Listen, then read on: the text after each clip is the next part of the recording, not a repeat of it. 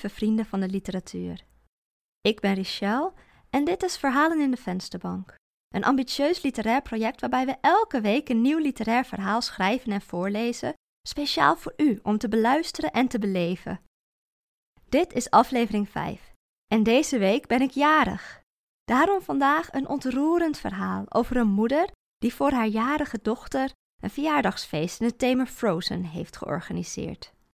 Ik wens u heel veel plezier met het verhaal Stemvork.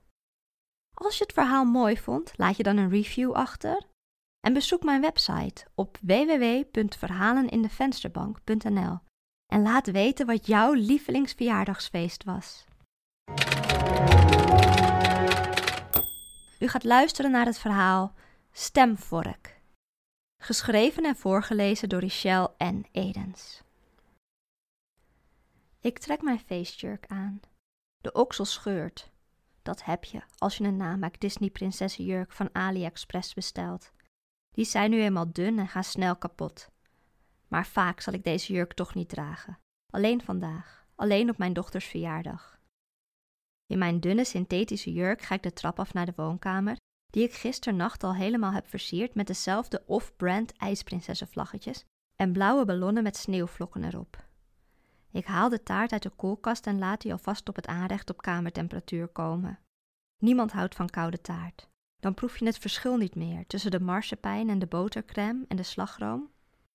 Ik plof neer op een stoel aan de keukentafel en leun mijn hoofd in mijn handen. Ik staar naar de taart alsof ik hem zo kan dwingen om sneller warm te worden. De vier kaarsjes haal ik alvast uit het doosje en ik leg ze precies evenwijdig aan elkaar naast de taart. Vier jaar zou ze vandaag worden. Vier jaar alweer. Lang zal ze leven. Ik zing zachtjes, maar twijfel of ik wel op de juiste toonsoort zing. Ik stop, kijk naar de taart en voor ik weet waar ik mee bezig ben, heb ik mijn vinger al in een toefje slagroom gestoken. Ik sabbel het van mijn vinger af en zing opnieuw. Lang zal ze leven. Ik wil niet verder zingen, zonder zeker te weten dat ik in de juiste toonsoort zing. Zij verdient een zuiver gezongen feestliedje. Ergens heb ik nog een stemvork liggen, van toen ik ooit gitaar speelde. De gitaar is inmiddels kapot, maar de stemvork moet nog ergens zijn. Ik zoek, ik trek laden open, haal kasten overhoop, zelfs het keukenkastje met de pannen en de bestekla. Ik weet dat de stemvork niet in de keuken is, maar toch zocht ik ook in de keuken. Het heette tenslotte een stemvork, en je wist nooit zeker wat je tijdens een onoplettend moment in een rare hersenkronkel deed. Ik vind de stemvork in een mandje met ook het naaigarnituur, een oude gebroken zonnebril en een medaille die ik won toen ik zes was. Met de stemvork ga ik aan tafel zitten. Ik luister naar de A en zing. Lang zal ze leven. Zonder te weten op welke noot lang zal ze leven begon, was het hebben van een stemvork overbodig. Ik haal mijn telefoon tevoorschijn en zoek op Google wat de eerste noot is van het liedje. Gedachteloos pak ik een van de twee ijsprinseszussen van de taart en stop haar in mijn mond. Ik bijt het hoofd eraf en kauw op het suikergoed. En pas nadat ik haar hele gezichtje al tot gruis had vermalen, besef ik wat ik aan het doen ben. Ik zet de rest van het prinsesje terug op de taart. Degene met de rode haren en degene met die blauwe jurk. Die blauwe jurk heeft nu geen hoofd meer. Het ziet er luguber uit en met wat slagroom probeer ik een nieuw hoofdje te vormen, al had dat niet het gewenste effect. Het ziet er nu vooral uit alsof het slagroom als dik wit ijsprinsessenbloed uit haar nek stroomt. Zou Elsa sneeuw of ijs door haar aderen hebben stromen? Daar hoor je Disney nou nooit over. Terwijl ook Elsa stoot ongetwijfeld een keer haar teen, of schiet uit met de schaar als ze zo'n hard plastic verpakking open probeert te knippen, of ze flost haar tanden zodat er bloeddruppeltjes op de spiegel spatten. De bel. Ik spring van mijn stoel af en ren naar de voordeur. Door de glassticker die het raam mat doet lijken, zie ik al haar silhouet. Haar blauwe jurk, haar lange gele vlecht. Ik trek de deur open. Zusje! roep ik vrolijk. Ze kijkt me aan en onmiddellijk voelt mijn begroeting als een slecht idee. Sorry, mompel ik. Ik, ik weet best dat jij en ik niet uit dezelfde vagina komen. Ik bedoel, jouw moeder is vast iets van een filiaalmanager of een bibliothecaresse en de mijne niet. Het is vanwege de jurk, snap je? Anna, Elsa. Nog steeds zegt ze niets. Aarzelend blijft ze staan. Ik stap opzij en maak een verwelkomend gebaar naar mijn gang.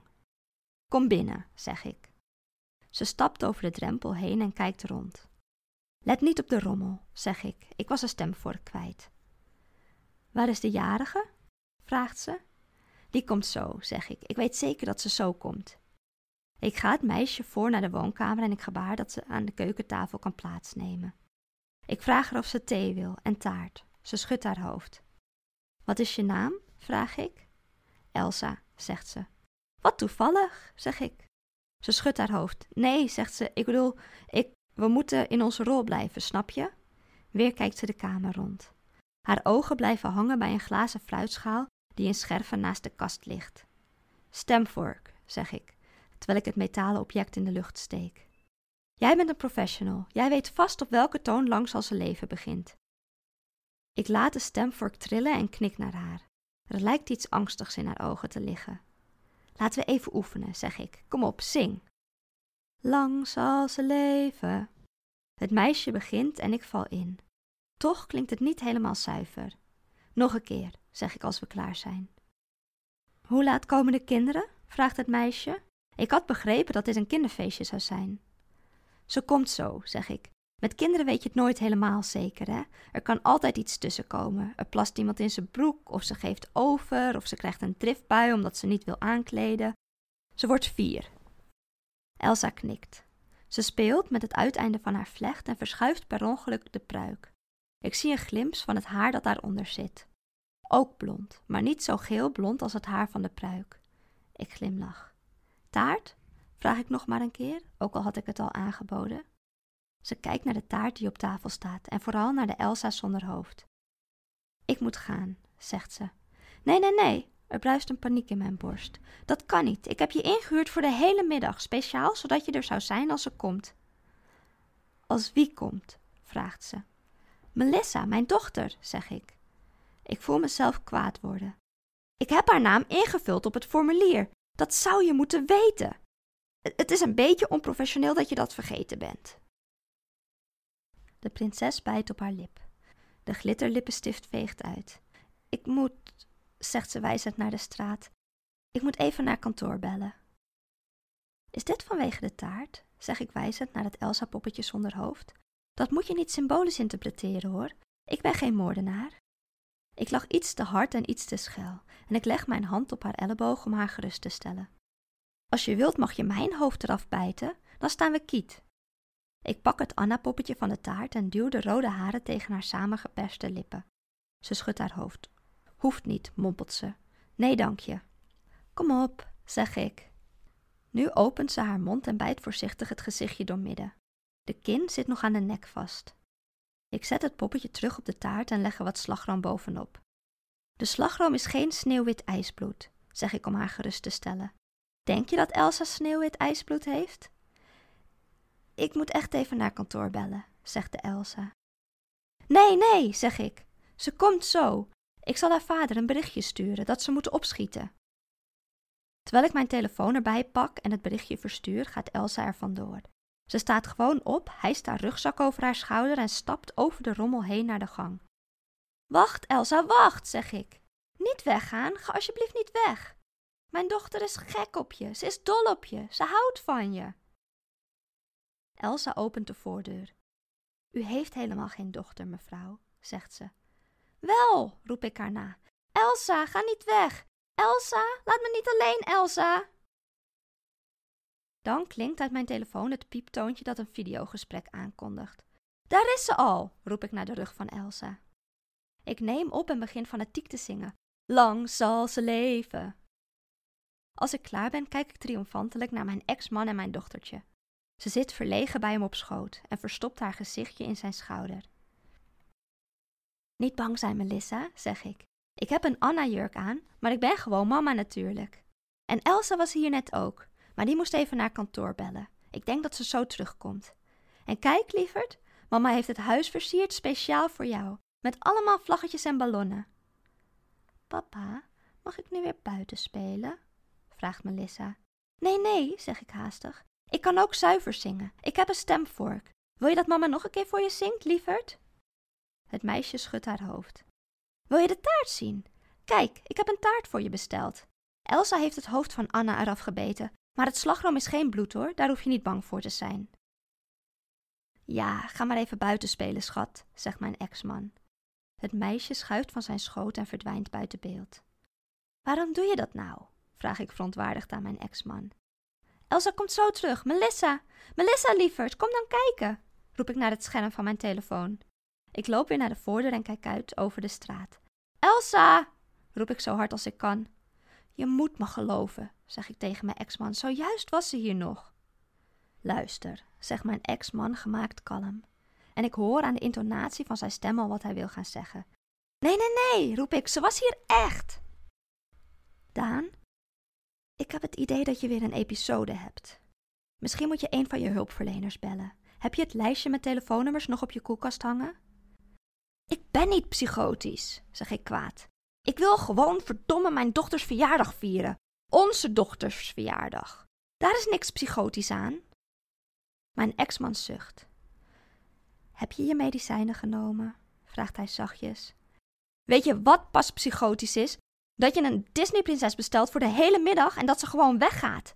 Reken maar dat ik mijn geld terug ga vragen. Bedrog is het. Het is allemaal bedrog. Weet je wat pas psychotisch is? Jij. Jij die me van mijn dochter weghoudt op haar eigen verjaardag nog wel. Dat kind heeft een moeder nodig. Daan, ik zou dolgraag willen dat jij onderdeel uitmaakt van haar leven. Maar het moet wel veilig zijn. En in je huidige toestand denk ik niet dat het verstandig of verantwoordelijk is om. Ik hang op zonder te luisteren naar wat hij verder nog te zeggen heeft. Ik gooi mijn telefoon op tafel en ik kijk naar de taart. Ik duw de stemvork door de marsepein en neem een hapje van de cake. Ik weet best dat de stemvork geen vork is, maar iedereen denkt nu toch al dat ik gek ben.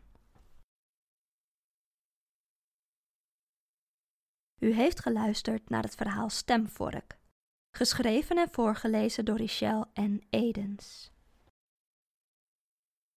Hartstikke bedankt voor het luisteren. Als je dit verhaal mooi vindt, laat je dan een review achter, zodat andere luisteraars ons makkelijker kunnen vinden. Of geef deze podcast 5 sterren en vertel erover aan een vriend, een vriendin, een moeder of een schoonvader, een oom of een buurvrouw. En vergeet niet ons te volgen, want we hebben jou er graag volgende week weer bij. Voor nu, een hele fijne avond en een hele fijne week.